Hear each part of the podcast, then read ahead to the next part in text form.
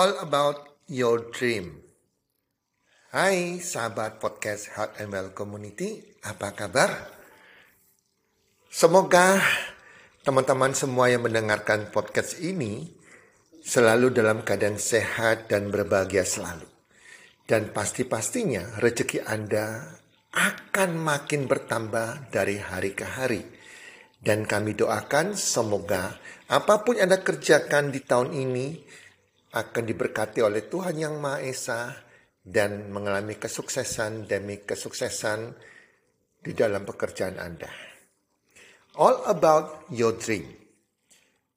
Teman-teman, pendengar podcast Heart and Well Community, di podcast kali ini saya menjawab beberapa pertanyaan dari teman-teman anggota komunitas yang berkaitan dengan impian.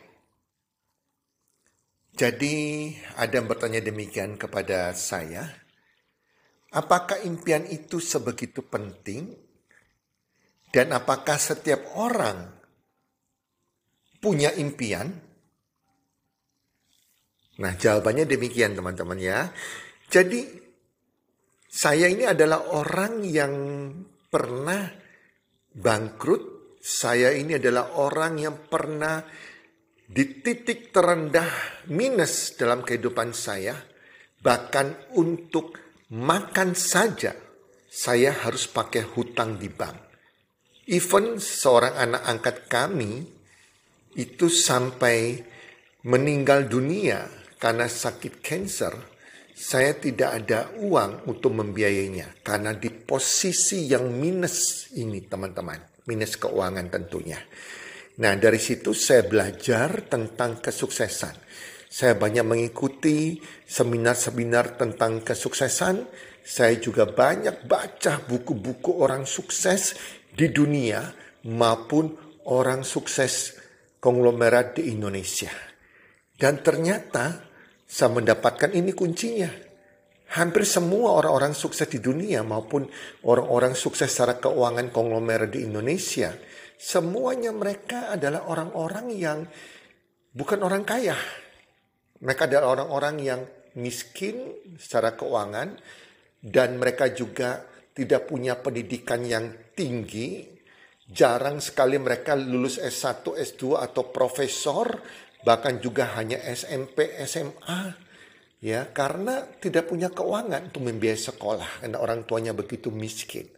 Tetapi mereka memiliki impian yang sangat besar sekali. Itu kunci rahasianya. Mereka miskin, mereka kurang pendidikan, tapi impian mereka sangat kuat dan besar untuk menjadi sukses, untuk menjadi kaya, untuk keluar dari kemiskinan. Dan mereka berhasil. Jadi modal utama untuk sukses adalah dream impian. Itu terbukti teman-teman ya. Dari kisah-kisah orang sukses. Contohnya Walt Disney Walt Disney bisa ada ya istana permainan seluruh orang-orang tua dan anak-anak ya di seluruh dunia adalah Disneyland itu tercipta karena impian Walt Disney. Jelas teman-temannya. Jadi impian itu sebegitu penting. Sangat penting untuk menentukan sukses tidaknya seseorang. Kalau Anda tidak punya impian, Anda tidak mungkin bisa sukses. Nah, di dalam komunitas Health and Well Community, saya selalu mengecek. Begitu ketemu dengan anggota saya, saya, saya, saya selalu bertanya untuk mengetahui apakah orang ini bisa menjadi orang sukses atau tidak. Nah, caranya gampang banget. Ataupun saya ketemu dengan seseorang di mana pun. Anak-anak muda, milenial, saya tanya, what is your dream?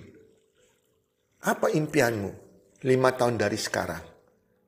Dan kalau mereka gelagapan tidak bisa jawab, masih mikir-mikir, banyak sekali masih mikir-mikir gak bisa langsung spontan menjawab. Dan kadang mereka menjawab pun itu bukan impian yang tepat, impian abu-abu. Itu sangat menyedihkan sekali dan saya sudah bisa meramalkan walaupun saya bukan tukang ramal teman-teman. Jadi saya akan bisa ramalkan mereka ini yang masih muda-muda ini atau sudah usia tua kenapa mereka tidak berhasil dalam hidup mereka karena dreamnya nggak ada. Dream ini harus tertanam dalam pikiran bawah sadar kita. Kalau dream ini Dream kuat tertanam dalam pikiran bawah sadar kita. Kalau saya tanya, what is your dream? Langsung keluar mengalir teman-teman. Dan kalau kita mau sukses, impian itu sangat penting. Harus tertanam di pikiran bawah sadar kita. Dan pertanyaan berikutnya, apakah setiap orang itu punya impian? Selama orang itu, orang yang yang orang bilang punya harapan hidup dalam arti punya punya keinginan untuk hidup, ya, masih punya semangat, mereka pasti punya impian. Cuma bedanya adalah antara seorang dreamer, pemimpi, dan seorang yang halu. Beda. Karena setiap orang pasti punya impian. Tetapi banyak yang hanya halu. Orang halu itu adalah dia pemimpi punya impian, oh mimpinya macam-macam ya. Ingin kaya, ingin sukses, punya penghasilan sekian, punya rumah di mana, punya mobil. Waduh, banyak impian dia. Tetapi mereka hanya bermimpi. Bermimpi, bermimpi, dan tidak eksekusi dengan action. Sehingga mimpi tidak menjadi kenyataan. Sampai tua pun tetap miskin. Kehidupan tidak berubah Nah di sekitar kita tuh banyak sekali, 90% adalah orang-orang yang halu. Nah ini berbahaya. Nah contohnya orang narkoba, itu halu semua. Mereka pada waktu konsumsi narkoba, mereka bisa halusinasi. Menjadi seperti yang mereka inginkan, jadi orang kaya, jadi orang yang hidupnya senang, bla bla bla bla bla bla.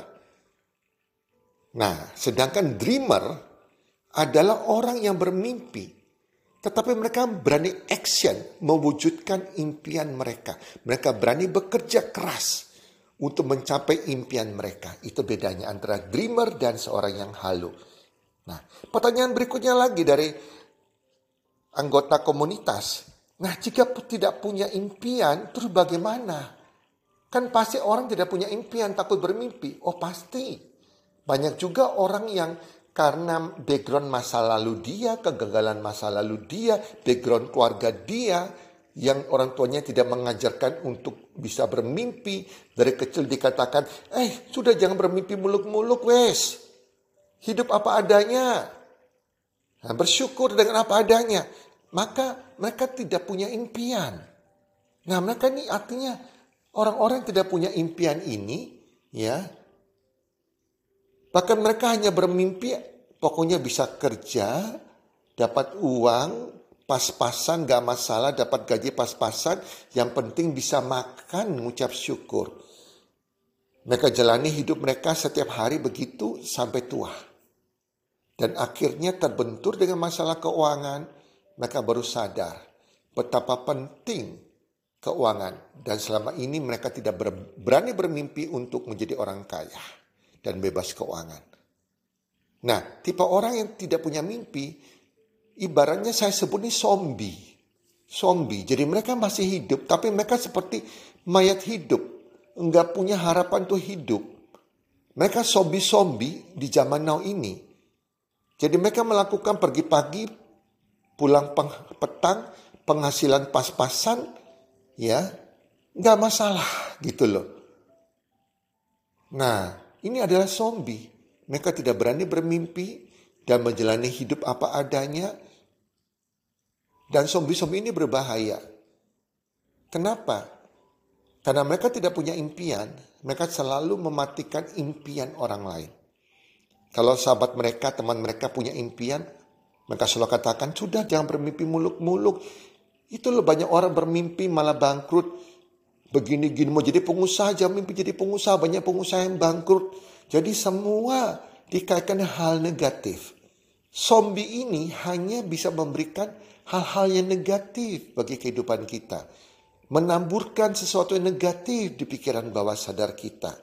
Dia menggigit kita dengan mencuri impian kita mencuri harapan kita mencuri masa depan kita akhirnya kita ketularan virus zombinya kita menjadi orang yang tidak punya impian.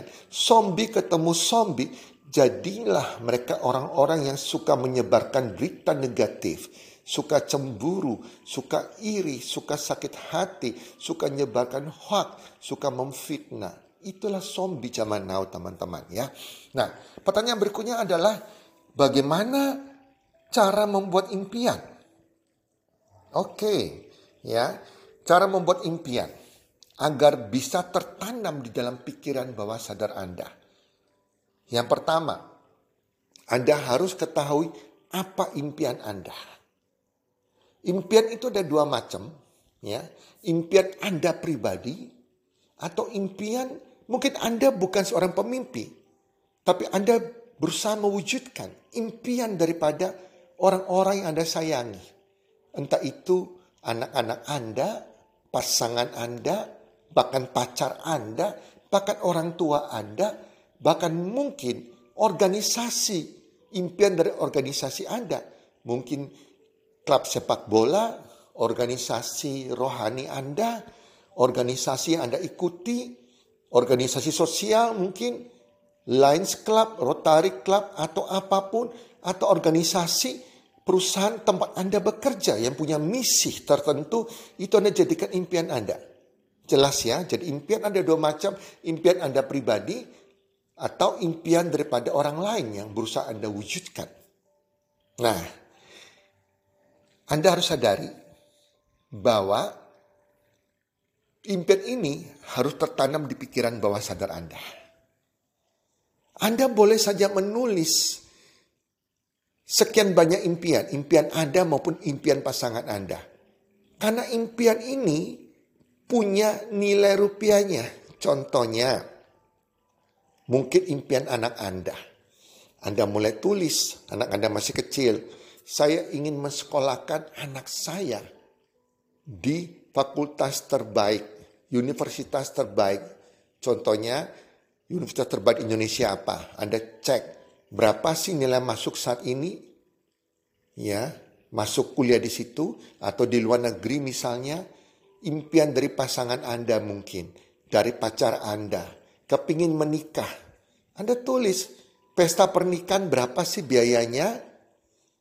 Kemudian juga honeymoon jalan-jalan ke luar negeri ke mana saja. Berapa sih kalau ke kota tertentu? Anda cek, ada nilainya semua. Oh mungkin kepingin punya kendaraan pribadi, mobil pribadi. Berapa sih harga mobil yang Anda ingin miliki? Catat nilai harganya, Anda harus ketahui nilai harganya. Kemudian Anda catat lagi, oh pasangan saya, istri saya, anak saya kepingin punya Rumah. Oke, rumah di mana? Apartemen atau rumah, land house. Berapa nilainya? Tulis, ketahui harganya. Ya, kemudian apa lagi? Oh, Anda kepingin membantu orang tua, memberikan bantuan setiap bulan sekian juta rupiah. Tulis nilainya. Anda ingin membantu panti asuhan itu sosial, bantu yayasan tertentu, membantu organisasi rohani tertentu, membantu pelayanan Tuhan. Catat, oh Anda membahagiakan orang tua Anda, mau membawa orang tua Anda untuk umroh atau haji. Berapa sih biaya umroh dan haji? Berapa sih kalau membawa orang tua Anda ke Yerusalem misalnya? Tulis nilainya. Itu harus detail. Menulis sebuah impian dengan nilai harganya. Apa pun itu Anda catat dan Anda totalkan berapa total rupiahnya. Itu cara membuat impiannya benar sehingga Anda sadari bukan hanya menjadi orang yang halu teman-teman. Oke, halu bisa bermimpi tanpa sadar berapa nilai impian Anda. Nah, kalau Anda sudah temukan nilai rupiahnya, sekarang yang namanya impian Anda harus fokus fokus. Yang namanya fokus itu kepada satu titik. Jadi kalau Anda bisa tulis puluhan impian Anda dengan nilai rupiahnya, bahkan 100 impian Anda tulis juga. Tetapi itu bagaimana bisa fokus teman-teman. Jadi fokusnya yang saya ajarkan hanya satu. Setelah Anda ketahui nilai-nilai impian Anda, impian mungkin Bukan impian Anda pribadi, impian anak Anda, pasangan Anda, pacar Anda, orang tua Anda, atau organisasi Anda. Itu Anda tulis semuanya, nilai rupiahnya, baru kemudian Anda fokus kepada satu hal, yaitu the mother of the dream, induk segala impian, yaitu jumlah rupiahnya. Jumlah rupiahnya. Rupiahnya berapa misalnya? Oke kalau begitu waduh saya harus punya penghasilan ini 50 juta per bulan. Penghasilan aktif ataupun pasif. Atau 100 juta per bulan. Atau 1 miliar per bulan. Nah itu namanya the mother of the dream. Tetapi jangan ketinggian teman-teman membuat the mother of the dream, impian rupiah Anda. Contohnya kalau Anda hari ini, Anda bekerja masih upah UMR sekitar 5 juta per bulan anda tulis impian Anda, the mother of the dream, nilai rupiahnya paling maksimal 5 kali. Yaitu 5 kali 5 juta, ada 25 juta per bulan. Sehingga Anda tulis ya, saya punya penghasilan 25 juta per bulan. Kapan tercapainya? Anda tulis mungkin dalam waktu 6 bulan sampai 1 tahun 12 bulan. Catat bulan dan tahunnya. Sehingga itu Anda tulis, Anda catat bisa tertanam di dalam pikiran bawah sadar Anda. Jelas teman-teman. Kalau sudah mencapai 25 juta per bulan, Anda naikkan 5 kali lipat berarti 125 juta per bulan. Itu jadi dream Anda. Mother of the dream Anda. Dinaikkan lagi setelah itu sampai jadi miliaran. Itu cara yang benar. Semua harus tertanam dalam pikiran bawah sadar Anda.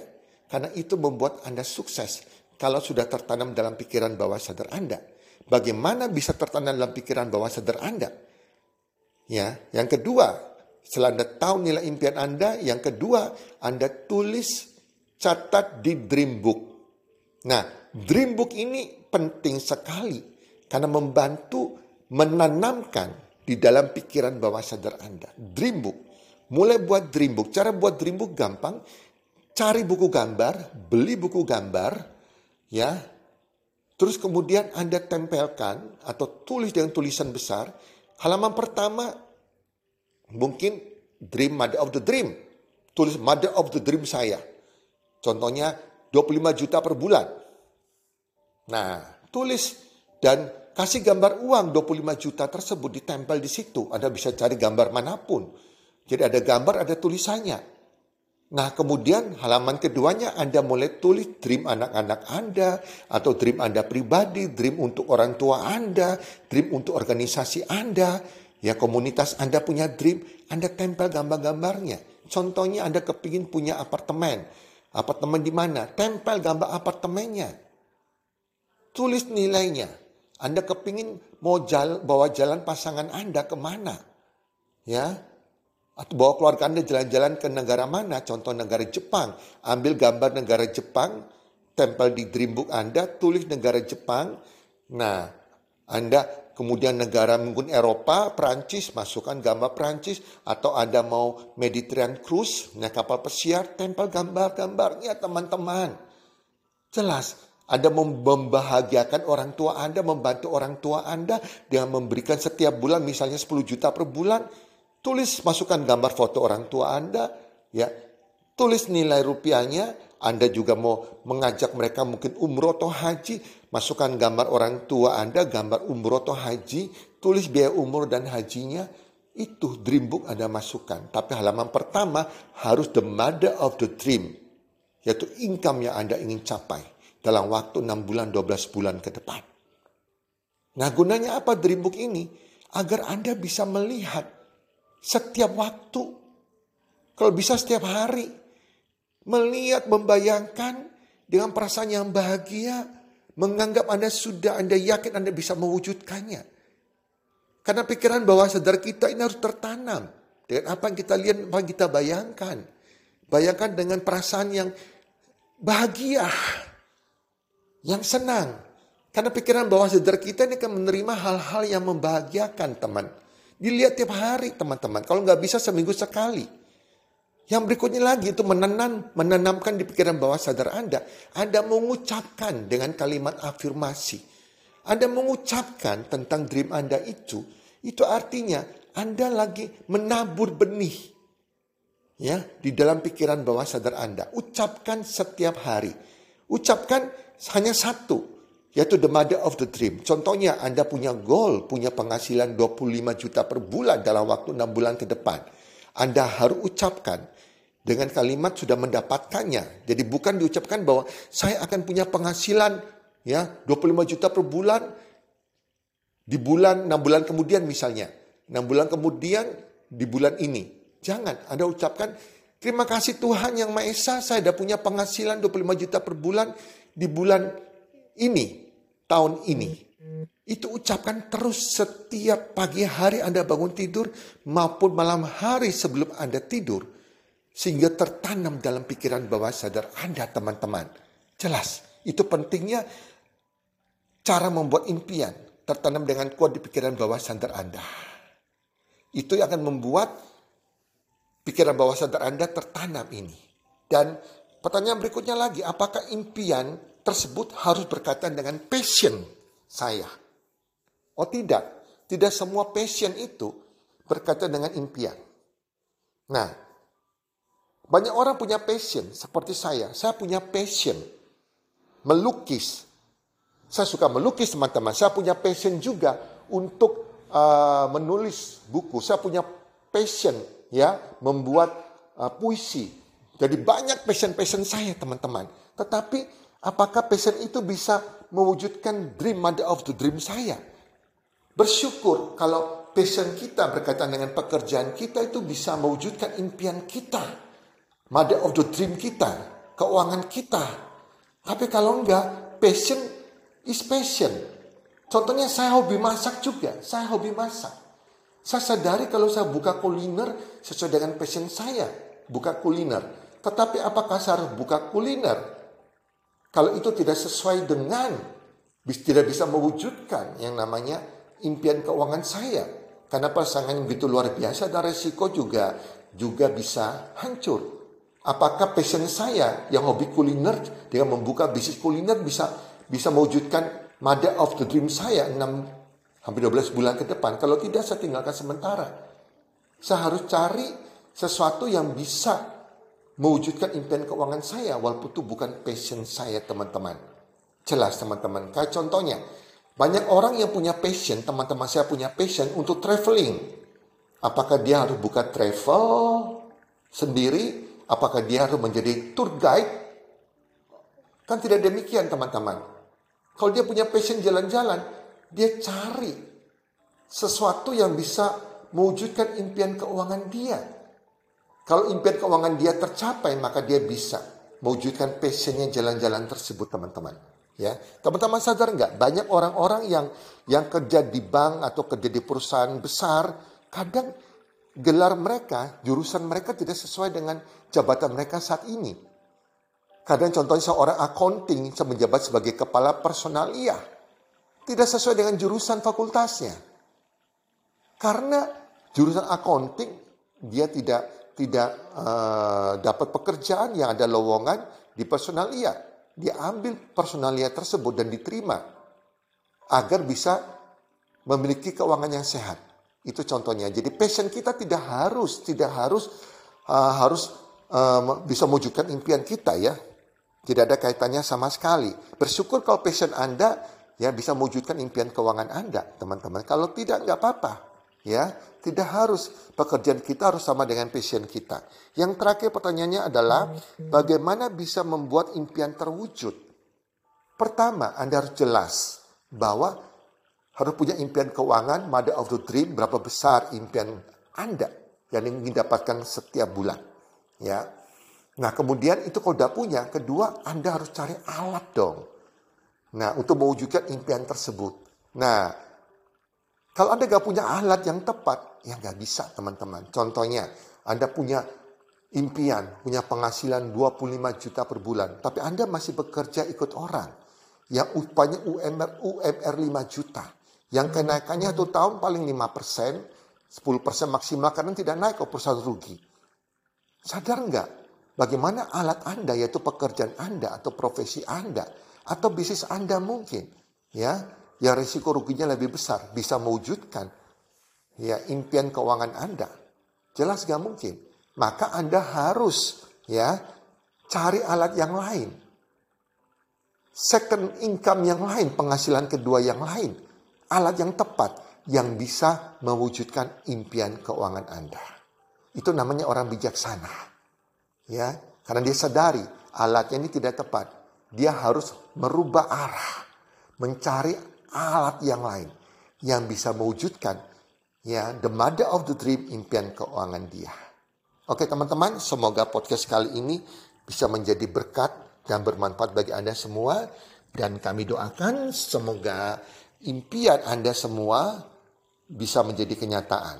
Anda sudah tahu caranya. Salam sukses, one, two, three.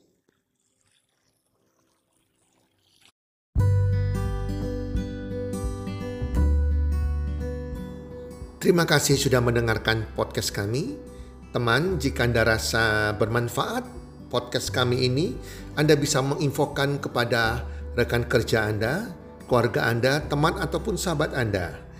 Dan jika ada hal-hal yang Anda ingin tanyakan kepada kami ataupun topik-topik apa yang Anda ingin kami bawakan, kami sampaikan, Anda bisa DM kami di Instagram kami health community www.salam123.id. Salam 123, salam sehat, sejahtera dan bahagia.